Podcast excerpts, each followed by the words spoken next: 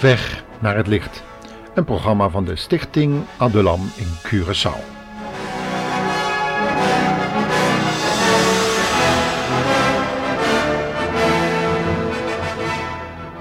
Ons thema voor vandaag is Met God alleen op de berg. Welkom luisteraar in dit nieuwe familieprogramma van onze stichting Adulam. We zijn in deze vierdelige programmaserie over vergeving gekomen bij de priesterlijke bediening van Mozes. Ook wij hebben als christenen het voorrecht om een priesterlijke bediening te mogen uitoefenen voor God en onze naasten. Wim Malgo, een broeder die veel betekend heeft voor het zendingswerk van de middernachtsroep, heeft voor zijn dood zijn gedachten over dit onderwerp aan het papier toevertrouwd. En in dit laatste programma over vergeving en priesterlijke voorbeden laten we hem daarom opnieuw aan het woord. Nu in verband met de noodzaak om de moed op te brengen om alleen met God te willen staan, te midden van de chaos, de verwarring en de afval. Hebben wij de moed en de wil om samen met Wim Malgo, zoals hij dat gedaan heeft tijdens zijn leven, en met Mozes, om samen de berg op te gaan? Om buiten de legerplaats van elk religieus systeem een ontmoeting met de heilige God te hebben? Laten wij onszelf dan reinigen, zodat we met Mozes mee kunnen optrekken naar die heilige plaats op de berg, waar ook de enkele discipelen waren. De discipelen samen met de Heer Jezus, en waar zij zowel Mozes als Elia in heerlijkheid zagen verschijnen.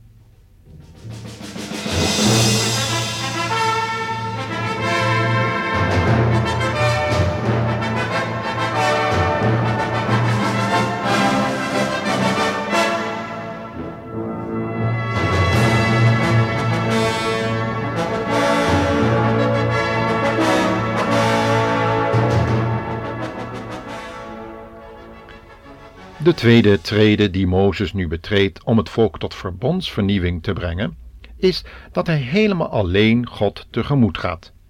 De Heere spoorde hem aan om tot hem op de top van de berg te komen, en hij zei: Ook mag niemand gezien worden op de gehele berg. In Exodus 34 leest u dat. Men moet zich de situatie nu eens voorstellen. Nadat Israël het verbond met God verbroken had en het gouden kalf aanbeden heeft, begint er een vreselijk gericht. 3000 mannen vallen. Er heerst een grote verwarring en Mozes is de verantwoordelijke leider. In plaats van dat hij nu in deze noodsituatie met de oudste van het volk kan discussiëren en de situatie bespreken kan, wat het meest voor de hand liggend geweest zou zijn, moet hij nu het volk verlaten. Hij moet helemaal alleen God tegemoet gaan. Maar hier ligt nu juist de macht van de plaatsvervanging. Want door deze heel persoonlijke gemeenschap met de Heere komt er geen breuk in de gemeenschap tussen hem en het volk, maar gebeurt er precies het tegendeel. Er ontstaat een geheel nieuwe gemeenschap met het volk door priesterlijke voorbeden. Als we Exodus 34 goed bestuderen, dan zien we dit: dat de Heere zegt: Wees gereed tegen de morgen en klim in de morgen die berg Sinaï op vervoeg u daar bij mij op de top van de berg. En de Heere daalde toen neer in een wolk en stelde zich daar bij hem, lezen we dan in vers 5. Dat is nu de weg naar de verbondsvernieuwing met de Heere.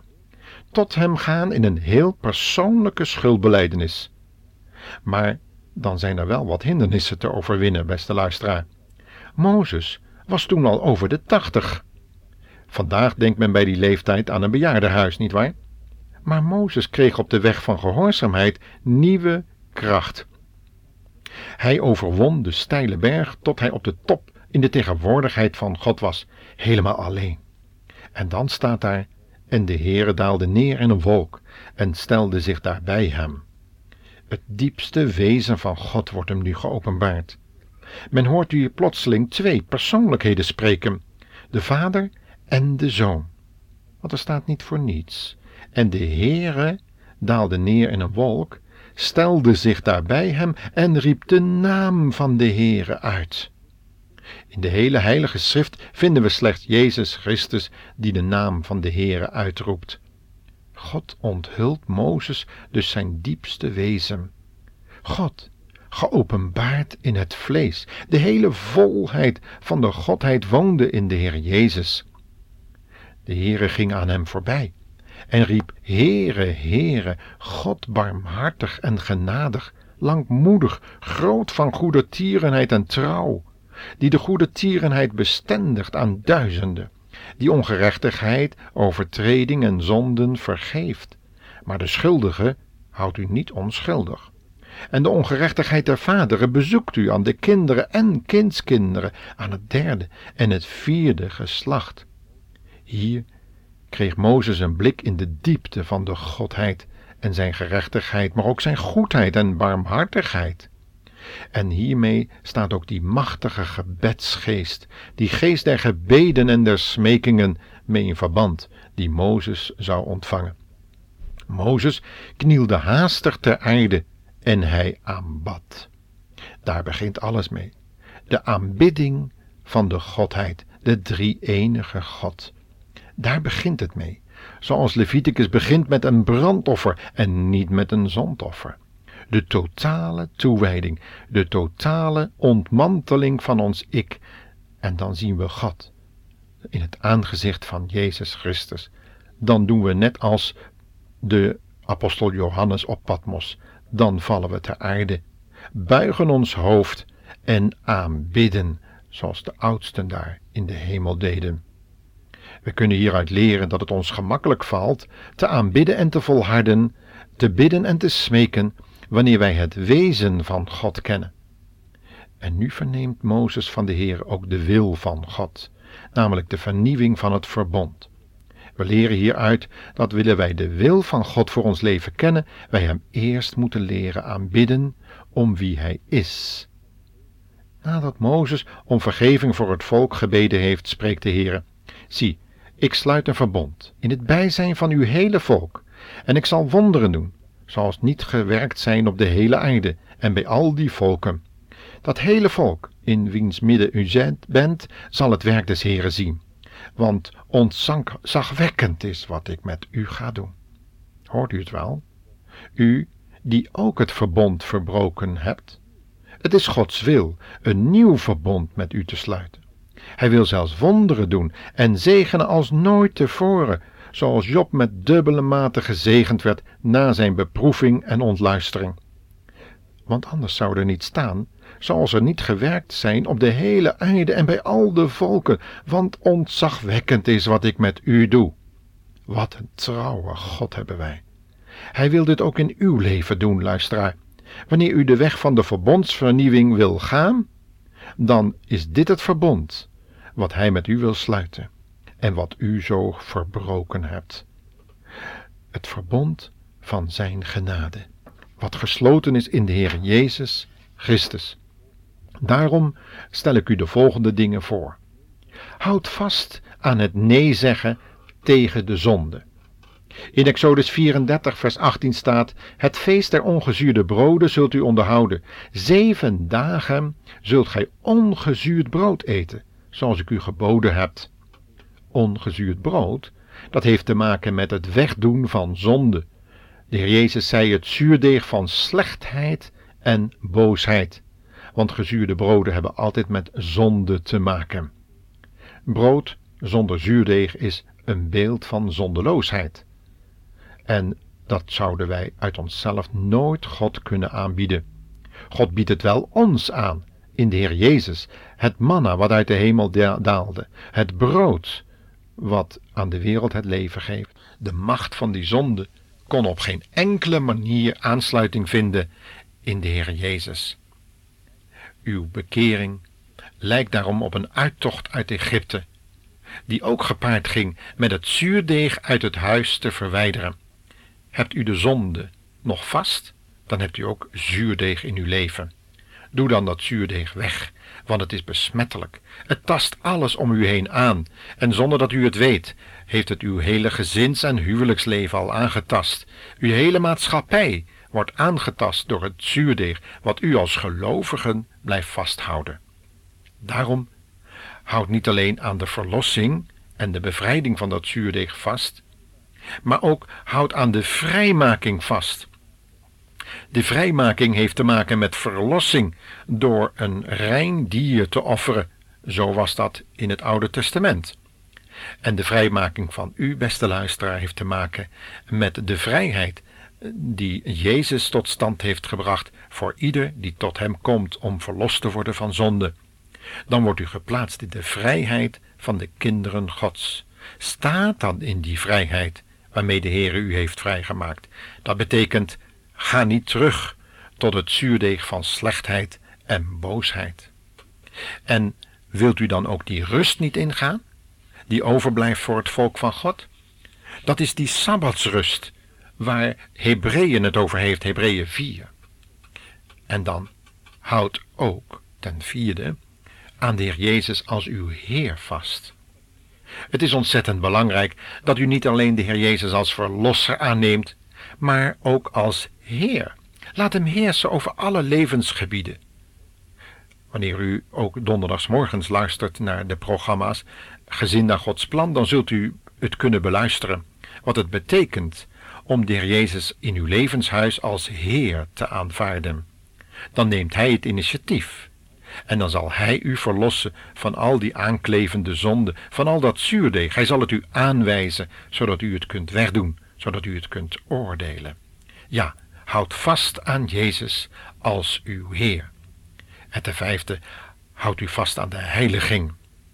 Gij zult het bloed van mijn slachtoffer niet offeren naast het gezuurde brood. We zeiden al dat het zuurdeeg een beeld is van de zonde. Daarom zei Paulus: doe het oude zuurdeeg weg. Maar in het volk Israël, daar moest ook het bloed van het slachtoffer niet samengeofferd worden met het gezuurde brood. Die verbinding is onmogelijk. Ook als het gaat over het avondmaal, zien we dat dat slachtoffers vraagt onder de gelovigen, onder christenen, wanneer ze de zonde vasthouden en zich niet heiligen want zonder heiligmaking kan niemand de Heere zien. Zeg daarom nee tegen de zonde en ja tegen de heiliging die de Heer Jezus in u tot stand wil brengen. Houd aan dat verbond ook met de Heere vast, wat Hij gesloten heeft met de Heer Jezus. Neem u een acht, staat er in Exodus 34, dat u geen verbond sluit met de inwoners van het land waarheen gij gaat, opdat zij u niet tot een valstrik in uw midden worden zo zou u een verbond, een huwelijksverbond kunnen aangaan met een ongelovige. En de tweede Korinthebrief is daar heel duidelijk in. Ga geen juk aan met een ongelovige. Want wat weet, heeft dit duisternis met het licht te maken? Wanneer u dat gedaan hebt, beste luisteraar, en u bent reeds getrouwd, is de weg terug niet toegestaan. Maar wanneer u tot bekering komt en uw zonde beleidt, dan zou het kunnen dat uw ongelovige partner wel eens tot bekering kan komen door de heiliging die u in uw leven laat zien. Uw beleidenis van zonden kan dan overgaan in priesterlijke voorbeden. Denkt u daaraan? Houd aan het verbond met de Heere vast, ook als u het verbond verbroken heeft. Ten slotte, houd aan zijn woord vast. In Exodus 34, vers 27 staat: Schrijf deze woorden op, want op grond van deze woorden heb ik met u en met Israël een verbond gesloten. God wil steeds naar aanleiding van zijn woord met zijn volk een verbond sluiten. En dat betekent heel praktisch. Wanneer u bereid bent gehoorzaam te worden, dan wordt u kind van God, dat het verbond verbreekt, door het bloed van Jezus gereinigd en zult opnieuw in het verbond met God kunnen komen. Want op grond van deze woorden heb ik met u en met Israël een verbond gesloten. Wilt u vasthouden aan het nee zeggen tegen de zonde, vasthouden aan de vrijmaking, vasthouden aan de rust die overblijft voor het volk van God, vasthouden aan Hem, uw Heerser, uw Heer, en vasthouden aan de heiliging? Ja, vasthouden aan Zijn verbond en aan Zijn woord? Ja, dan wil Hij ook u vasthouden zodat u blijft in de wijnstok. Hoe wonderbaar is toch het woord van Jesaja 42 vers 1. Zie mijn knecht aan wie ik vasthoud. Ja, de Heer Jezus is getrouw. Zelfs wanneer u ontrouw bent, wilt Hij met u opnieuw het verbond sluiten. En wanneer u dan weer opnieuw ja zegt, zal de uitwerking wonderbaar zijn. Want dan zult u onbewust Zijn heerlijkheid uitstralen. Ja, zoals dat ook van Mozes geschreven staat.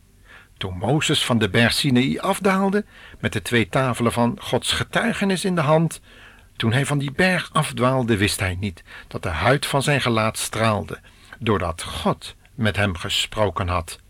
Luisteraar, dat is voor u ook mogelijk. Keer terug tot uw eerste liefde. Houd u vast aan het verbond wat de Heere God met de Heer Jezus gesloten heeft en waarin Hij u wil betrekken. God zegene u bij uw beslissing om terug te keren tot de levende God. Tot de volgende uitzending, luisteraar.